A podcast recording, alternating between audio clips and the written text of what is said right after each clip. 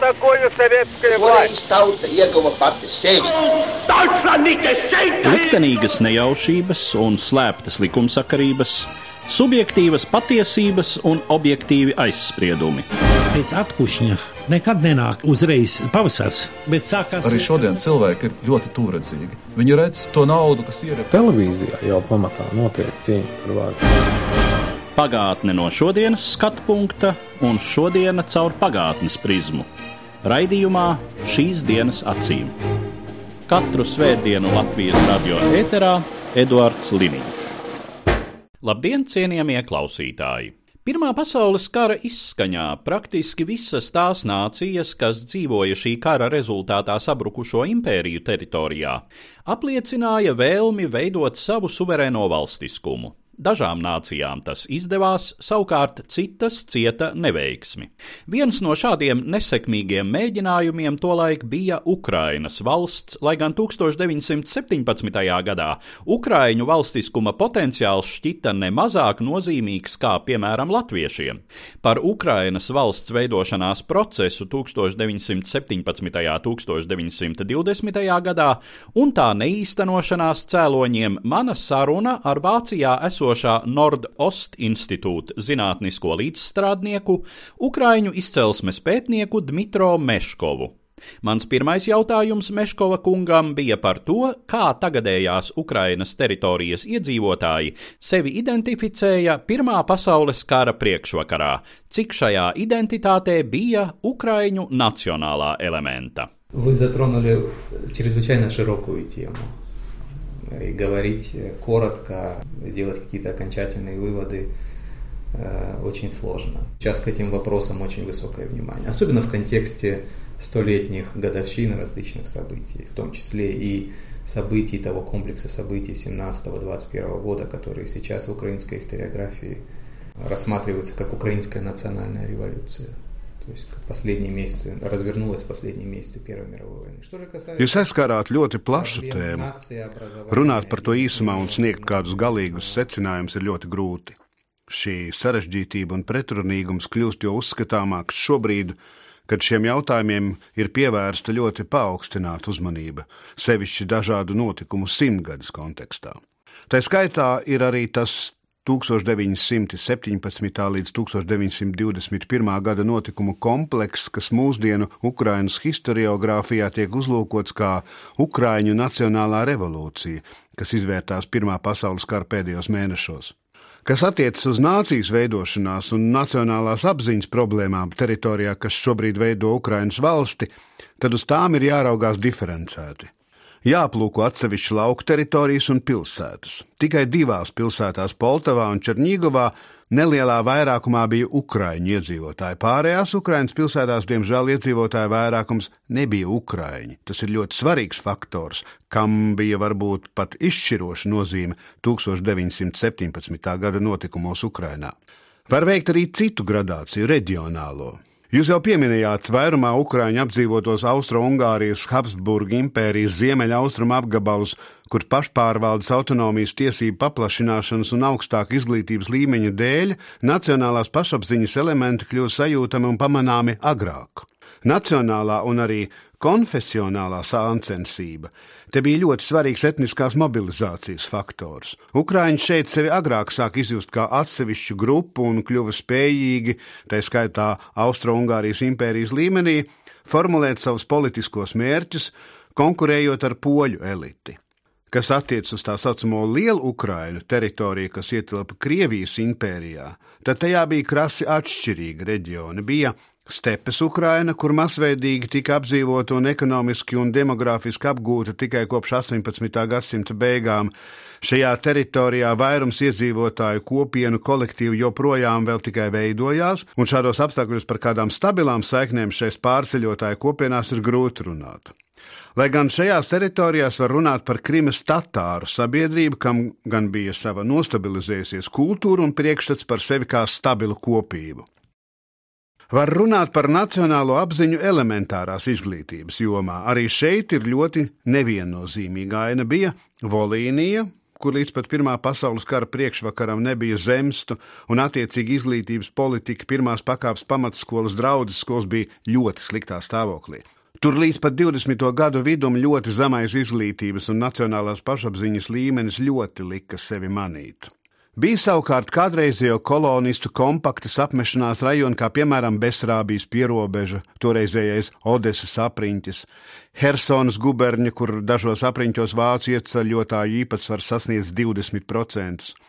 Šeit aina, protams, bija gluži citāda, un bija Dņepras Ukraina, kas savu vēsturisko tradīciju dēļ baroja šo nacionālo pašapziņu. Darbojās Harkovas Universitāte, kas vēl ilgi pirms 19. gadsimta vidus lielajām reformām kļuva par tādu kā Ukrainas Piemontu. Pēc līdzības ar Piemontas karalisti, kura 19. gadsimta pirmajā pusē kļuva par itāliešu nācijas konsolidēšanās kodolu. Te tika izaucināti daudzi ukraiņu kultūras darbinieki. Šodien mēdz izskanēt viedokļi, ka Ukraiņu nācijas pašapziņas veidošanās esot Austro-Ungārijas armijas ģenerāla štāba iecerē Krievijas impērijas graušanai, un ka par šīs apziņas un Ukraiņas valstiskuma kristalizācijas punktu kļuva Austrijai piedarošā Ļuvova tad daudz vēsturnieku tam izbilst, norādot, ka kāds mobilizācijas punkts bija tieši Dņepras Ukrainā vecākā universitāte Harkovā, radusies vēl 19. gadsimta sākumā. Tieši tur tagadējās Ukrainas austrumdaļā, kas šodien ir kļuvusi par strīdu sābolu šausmīgā konfliktā, toreiz veidojās Ukraiņu nacionālās pašapziņas nesošās konstrukcijas. Var ilgi spriest par šo problēmu, bet vienu galveno, svarīgāko secinājumu var izdarīt jau tagad. Tas bija ļoti sarežģīts process. Padaļai tāpēc, ka nacionālā pašapziņa ir kultūrāls, dziļš, subjektīvs sevis apzināšanās process. Kad runa ir par 50 miljonu nāciju, tad, protams, jārunā par lielām grupām, bet tajā pašā laikā tas ir subjektīvs process, kas ir antropoloģiski orientētu kultūras pētījumu priekšmets. Ir svarīgi uz to raudzīties attīstībā un ļoti diferencēti.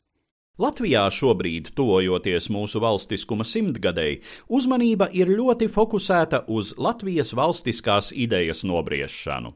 Ir acīm redzami, ka šī ideja ļoti strauji nobrieda 1917. gada laikā, savukārt pirms tam mēs runājām pamatā tikai par kultūras autonomiju. Kā tas notika Ukrainā? Kā šeit nobrieda doma par Ukraiņu nacionālo kopību? О различных государственнических проектах или да, проектах государственного строительства в условиях этнического и конфессионального много, многообразия. Я думаю, что с украинскими условиями 17-20 года можно проводить массу параллелей. И упомянуть здесь тот путь коротко, который проделала Центральная Рада, это ну, предпарламент украинский, возникший весной, сразу же после событий февраля-марта в Петрограде, Э, и проделавший путь от э, обыкновенного координационного центра гражданских, как бы сейчас сказали, неправительственных организаций, общественных организаций, и проделавший путь. Runājot par dažādiem valstiskuma valsts veidošanas projektiem etniskas un konfesionālas daudzveidības apstākļos, kādi tie bija Ukrainā 1917. līdz 1920. gadā, var vilkt daudzas paralēles. Te varētu īsumā pieminēt to ceļu, kuru nogāja Ukrainas centrālā rada, Ukrainas priekšparlaments, kas radās jau 1917. gada pavasarī, tūlīt pēc februāra marta notikumiem Petrogradā. Šis ceļš sākās no vienkārša koordinācijas centra dažādām, kā mēs šodien teiktu, nevalstiskām organizācijām, bet mazāk nekā gada laikā noveda līdz priekšparlamenta, tātad pilnvērtīga pārstāvniecības orgāna radīšanai. Ja palūkojamies uz četriem galvenajiem centrālās radas programmatiskiem dokumentiem, varam izsekot tā laika politiskās domas attīstībai valsts veidošanas perspektīvu un principu ziņā. 1917. gada jūnijā pieņemtais pirmais universāls pasludināja par mērķi Ukrainas kultūrālo un valstisko autonomiju jaunas federatīvas Krievijas ietvaros. Tobrīd vēl bija pilnīga pārliecība par to, ka Ukraina paliks tās valsts sastāvā, kas veidosies uz Krievijas impērijas drupām, un tā nepameta centrālās radas aktīvistus līdz pat 1917. gada oktobra notikumiem. Tikai tad, pēc pusgada darbības, nevēloties atzīt bolševiku apvērsuma rezultātus, Ukrainas centrālā rada iepriekš neplānoti 1917. gada 20. novembrī pieņēma savu trešo universālu, kurā pasludināja neatkarīgu valsti Ukrainas Tautas Republiku. Tomēr pēc tam bija arī mēģinājumi atteikties no šī lēmuma. 1918. gada aprīlī, kad Ukraina bija okupējusi Vācijas karaspēks, pie varas militārā apvērsuma ceļā nāca Hetmanis Skoropatskis, kurš padzina centrālo radu un likvidēja Ukrainas Tautas Republiku. 1918. gada beigās, neilgi pirms tam, kad viņu gāza nākamais varas pretendents Simons Petļura, Skoropatskis mēģināja atcelt trešo universālu pasludināt, ka Ukrainai ir jākļūst par atjaunotās Krievijas federācijas daļu, vēl vairāk, tai ir jākļūst par lielās Krievzemes atjaunošanas kodolu.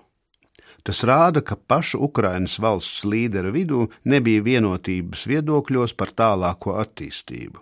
Kreisās socialistiskās partijas, kurām Ukrainas centrālajā radā bija vairākums visu 1917. gadu, pamatā aizstāvēja tā dēvētās personāli kultūrālās autonomijas projektu, kuru bija savulaik izstrādājuši viņu austriešu kolēģi. Tas bija sociālistisks ievirzes projekts, un viņi, jāsaka, šai ziņā paveica ļoti lielu darbu. Viņi centās ne tikai izdot likumus, lai cik arī ierobežota bija to darbība Ukrainas teritorijā, bet arī pēc principa veidot institūcijas. Radā balstoties proporcionalitātes principos, tika iekļauti nacionālo minoritāšu pārstāvji, lai tā pastiprinātu šī orgāna leģitimitāti. Šīs leģitimitātes ziņā jāsaka, bija negluži nepamatotas šaubas, jo Ukrainas centrālā rada bija veidojusies kā sabiedriska organizācija, kā koordinācijas centrs, un nebija ievēlēta kaut kādās vispārējās vēlēšanās. Attiecīgi radas leģitimitāti visnotaļ apšaubīt, skaitā Petrogradā, un atteicās atzīt tās statusu. Tika pieņemts likums par personālo autonomiju. Ukrainas valdībā bija iekļauti trīs lielāko minoritāšu - krievu, poļu un ebreju pārstāvi, bet arī pārējās minoritātes saskaņā ar šo likumu ieguva tiesības veidot savas nacionālās savienības, nacionālās pārstāvniecības un aizstāvēt savas kultūrālās autonomijas tiesības. К сожалению, да, был отведен, исторически так сложилось, очень небольшой отрезок времени для осуществления всех планов. И присутствие большого числа дезертирующих, дезертирующей, разваливающейся армии, э, развал полный государства, ограниченность территории, которая находилась под контролем, все время, она все время уменьшалась и становилась все более суженной. В 19 году э, директория... Diemžēl visu šo plānu īstenošanai bija atvēlēts ļoti īss vēstures posms. Ļoti liela skaita sabrukošās Krievijas armijas dezertieru klātbūtne, agrāko valsts institūciju sabrukums, ierobežotā teritorija, kuru spēja kontrolēt Ukrainas valsts, tas viss kavēja Ukrainas valstiskuma formēšanos. 1919. gadā pastāvējusī Ukrainas tautas 1919. gadā pastāvējusi Ukrainas Tautas Republikas direktorija chronoloģiski bija pie varas visilgāk, taču tās ietekme bija mazāka nekā abiem tās priekšgājējiem Ukrainas centrālajai radai un Skoropatska hetmanātam. Teritorija, kurā pastāvēja tās leģitimitāte, pastāvīgi sarāvās kā šagrenāda. Pēc ģenerāļa Bdeņīkina Baltgvārdu armijas iebrukuma Ukrainā no tās tikpat kā nekas nepalika pāri. Direktorija varēja vēl pieņemt kādus lēmumus, taču, lai cik progresīvi bija šie lēmumi no politiskā viedokļa, pārāk maz bija to iedzīvotāju, tā skaitā minoritāšu pārstāvi, kuri varēja izmantot šo lēmumu piešķirtās tiesības un tādējādi pārliecināties par šīs progresīvās, sociālistiski ievirzītās politikas priekšrocībām. Tātad projekts no perspektīva viedokļa bija ārkārtīgi interesants, taču kā to šodien nākas konstatēt arī Ukraiņas vēsturniekiem, nesekmīgs. Diemžēl mēģinājumi Ukraiņu nacionālo revolūciju uzlūkot kā aizsākumu Ukraiņas suverēnajam valstiskumam nereti noved pie vienkāršota pagātnes redzējuma. Bieži tiek piepušķota kādu lēmumu nozīme, tiek pārspīlēta Ukraiņu nacionālās idejas pievilcība plašām tautas masām, Tiek nenovērtēta bolševiku ietekme, mēģinot aizstāvēt vienkāršotus uzskats par to, ka bolševiki identificējami ar krieviem, savukārt ukraiņi cīnījušies par nacionālo ideju. Taču šāda pieeja atstāja neatbildētu jautājumu, kāpēc tad bolševikiem tomēr bija tik acīm redzami liela autoritāte un popularitāte noteiktos laikposmos. Konkrētāk, līdz viņi Ukraiņas guberņās sāk īstenot pārtikas repartīcijas. Ir tendence vienkāršot, lai pielāgotu pagātni šodienas vajadzībām, tāpēc Es allaž iestājos par to, lai uz šiem jautājumiem raudzītos diferencēti, pat ja nākas atzīt kādas sev netīkamas lietas. Simpātijas pret Ukrainas valstiskumu nenozīmē, ka kaut ko drīkstētu noklusēt.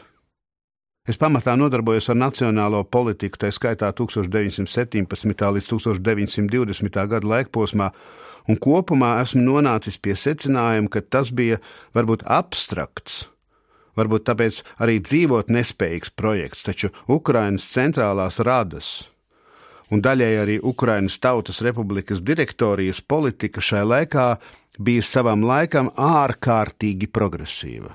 Diemžēl apstākļi nebija labvēlīgi tās īstenošanai dzīvē. Runājot par bolševiku lomu Latvijā, tā, jo sevišķi 1917. gadā, bija ļoti liela. Latviešu strēlnieku pulki, sevišķi jau kareivju un apakšvirsnieku sastāvs, bolševizējās savā lielumlielajā vairākumā. Ko mēs varam teikt par bolševiku ietekmi Ukrainā? Конечно, оно так же, как и, в Латвии, оно исходило в основном из фронтовых частей. Там проводилась массовая агитация, и это, было, это явилось огромным потенциалом. То есть, естественно, в частях, которые потом двигались с разрушавшегося фронта на восток, домой, вот именно эти массы дезертировавших или ушедших с фронта солдат, они стали тем резервуаром, откуда затем большевики и на территории Украины черпали свой человеческий ресурс или своих сторонников. Gluži tāpat kā Latvijā, tā pirmkārt nāca no frontes daļām. Te tika veikta masveidīga aģitācija, un tas izrādījās milzīgs potenciāls. Armijas daļās, kuras pēc tam virzījās no brūkošās frontes uz, uz austrumiem, uz mājām, šīs Dezertējušo fronti pametušo karavīru masas kļuva par galveno rezervuāru, no kura bolševiki Ukrainā smēla savus cilvēku resursus.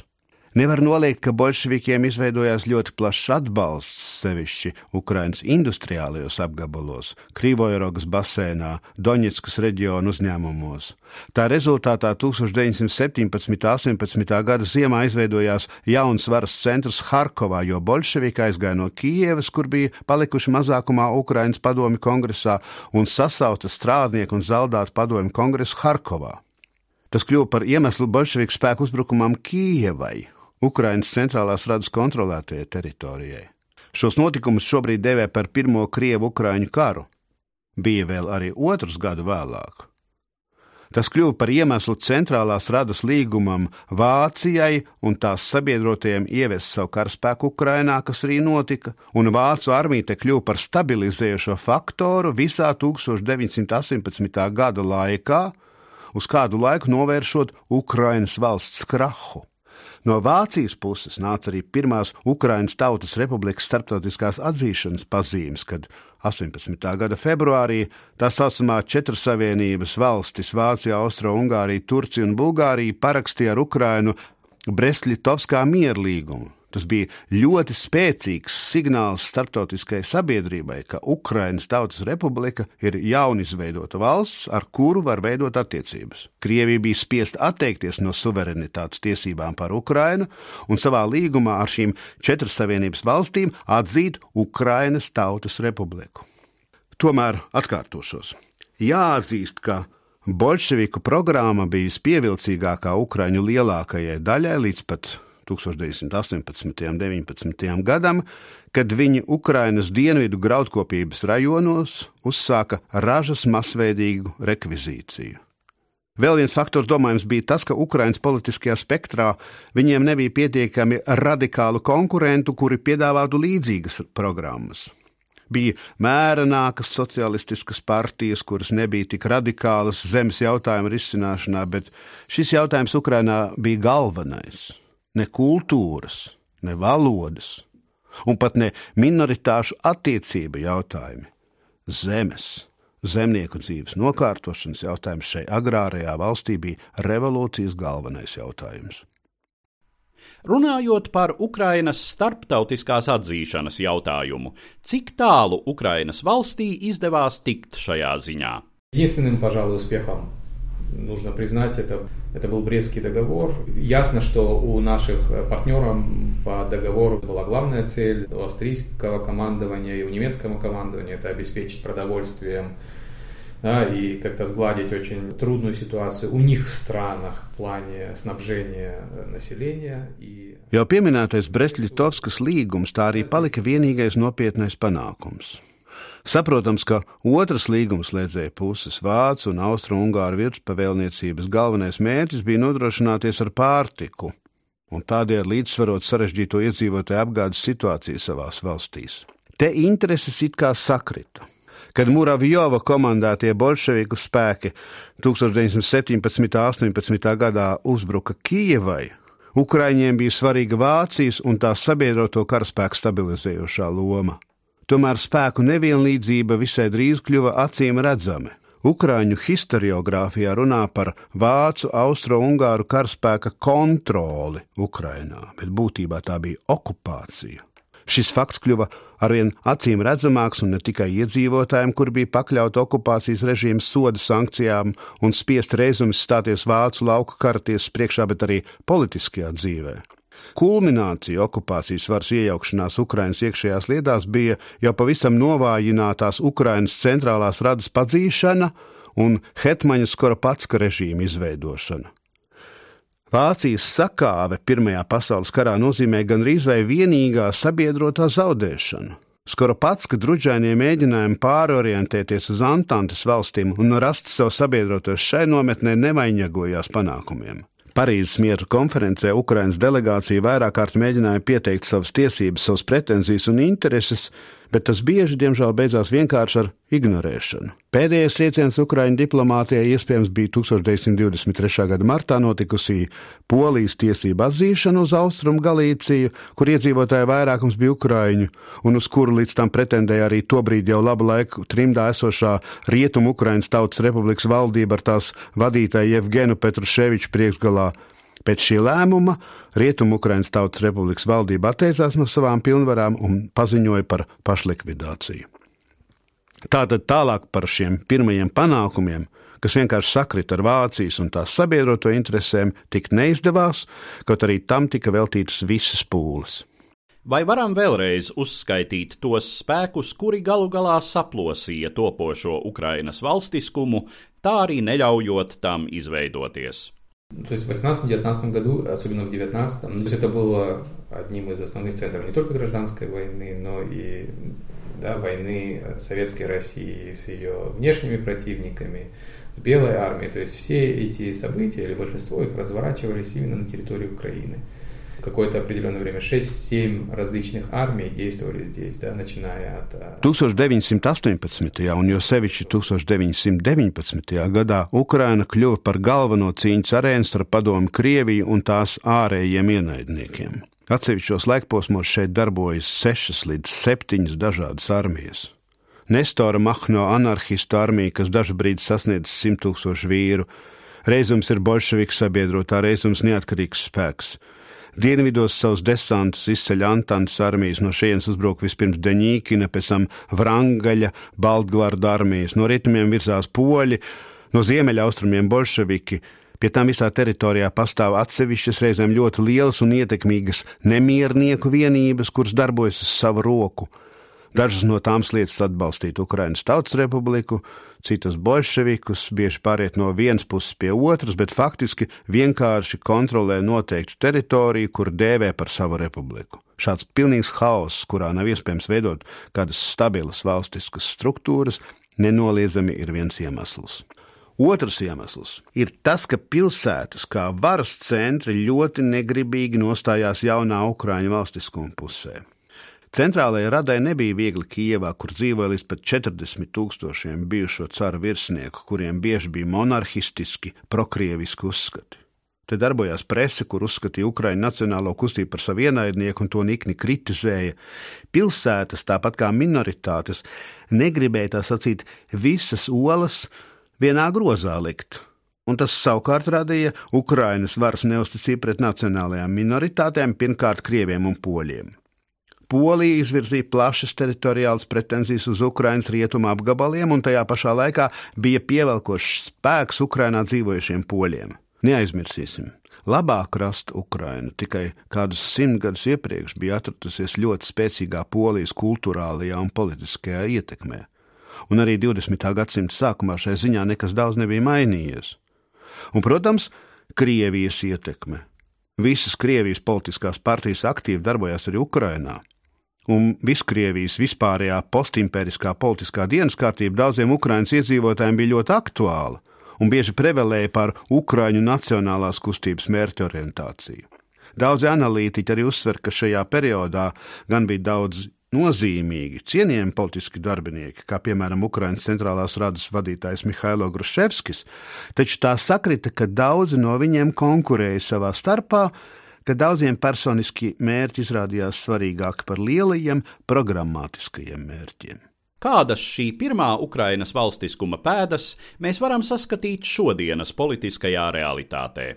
Могу сказать, что мои наблюдения, вот как я могу наблюдать по печати или по, по историческим исследованиям во время своих поездок по Украине, Э, могу сказать, что даже, даже до вот э, начала этих юбилейных всех мероприятий или какого-то какой-то вот, да, повышенной, повышенного внимания из-за э, из того, что приближается юбилей многих дат, в связи с событиями, начавшимися с Евромайдана, 2014 год, агрессия с Востока, внимание к этим, к этим событиям было очень высоким. То есть их присутствие... No saviem personiskiem novērojumiem, lasot vēstures pētījumus, presi arī pašam ceļojot pa Ukrainas, var teikt.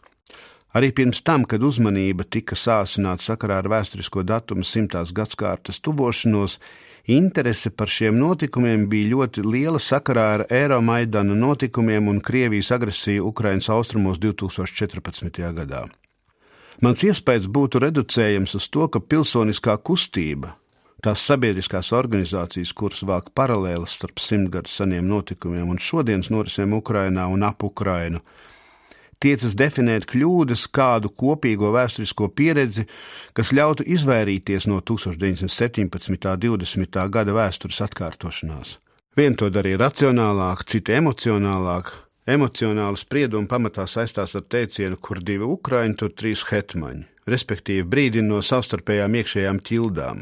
Man jāsaka, šī neveiksmīgā mēģinājuma pieredze savā ziņā ir palīdzējusi. Pastāvīga apelēšana pie tā, ka Ukraiņiem ir jānosargā savs valstiskums, upurējot kādu personu intereses, man šķiet ir izrādījusies savā ziņā iedarbīga. Protams, Gadsimta senā valstiskuma mēģinājuma neveiksmi nevar reducēt tikai uz personāliem ķīviņiem. Taču savā ziņā, un jo sevišķi šodienas politiskai elitei, tā ir kalpojusi par visai derīgu mācību, kas likusi apzināties, ka personiskās intereses ir jānoliek otrajā plānā, jo citas iespējas saglabāt valstiskumu var arī vairs nebūt. Es domāju, ka ap šo pagātnes mācību sabiedrības apziņā ir izveidojies zināms konsenss ka bija iespēja, kuru izmantot neizdevās, un tagad ir atvēries vēl viens vēstures lokus, un ja mēs to neizmantosim, tad būs vienkārši kāds satumsums un bezlaiks.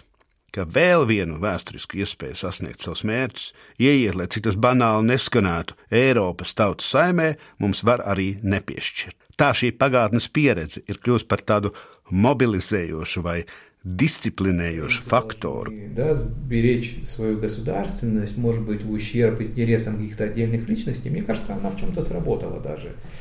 Э, конечно же, нельзя неудавшийся опыт государственности э, начала 20 века сводить только к межличностным дрязгам, да? но в чем-то, мне кажется, особенно для политической элиты, это в чем-то, может быть, стало весьма полезным уроком, что они смогли осознать, что какие-то, какие-то моменты необходимо поставить личные интересы на второй план, и, потому что другой, может быть, возможности уже не будет сохранить или восстановить э, независимость. Вот я думаю, что такие вот уроки в общественном сознании сложился некий консенсус, что, что был шанс, он, его не удалось воспользоваться, теперь открылось еще какое-то историческое окно, и если вот не воспользоваться им, то тогда будет просто вот какой-то мрак, и какое-то безвремение наступит, и, и, и э, получить еще один такой вот э, шанс исторический, э, достичь каких-то своих целей и войти в семью, как бы это ни банально не звучало, европейских народов, такого шанса может больше не представиться.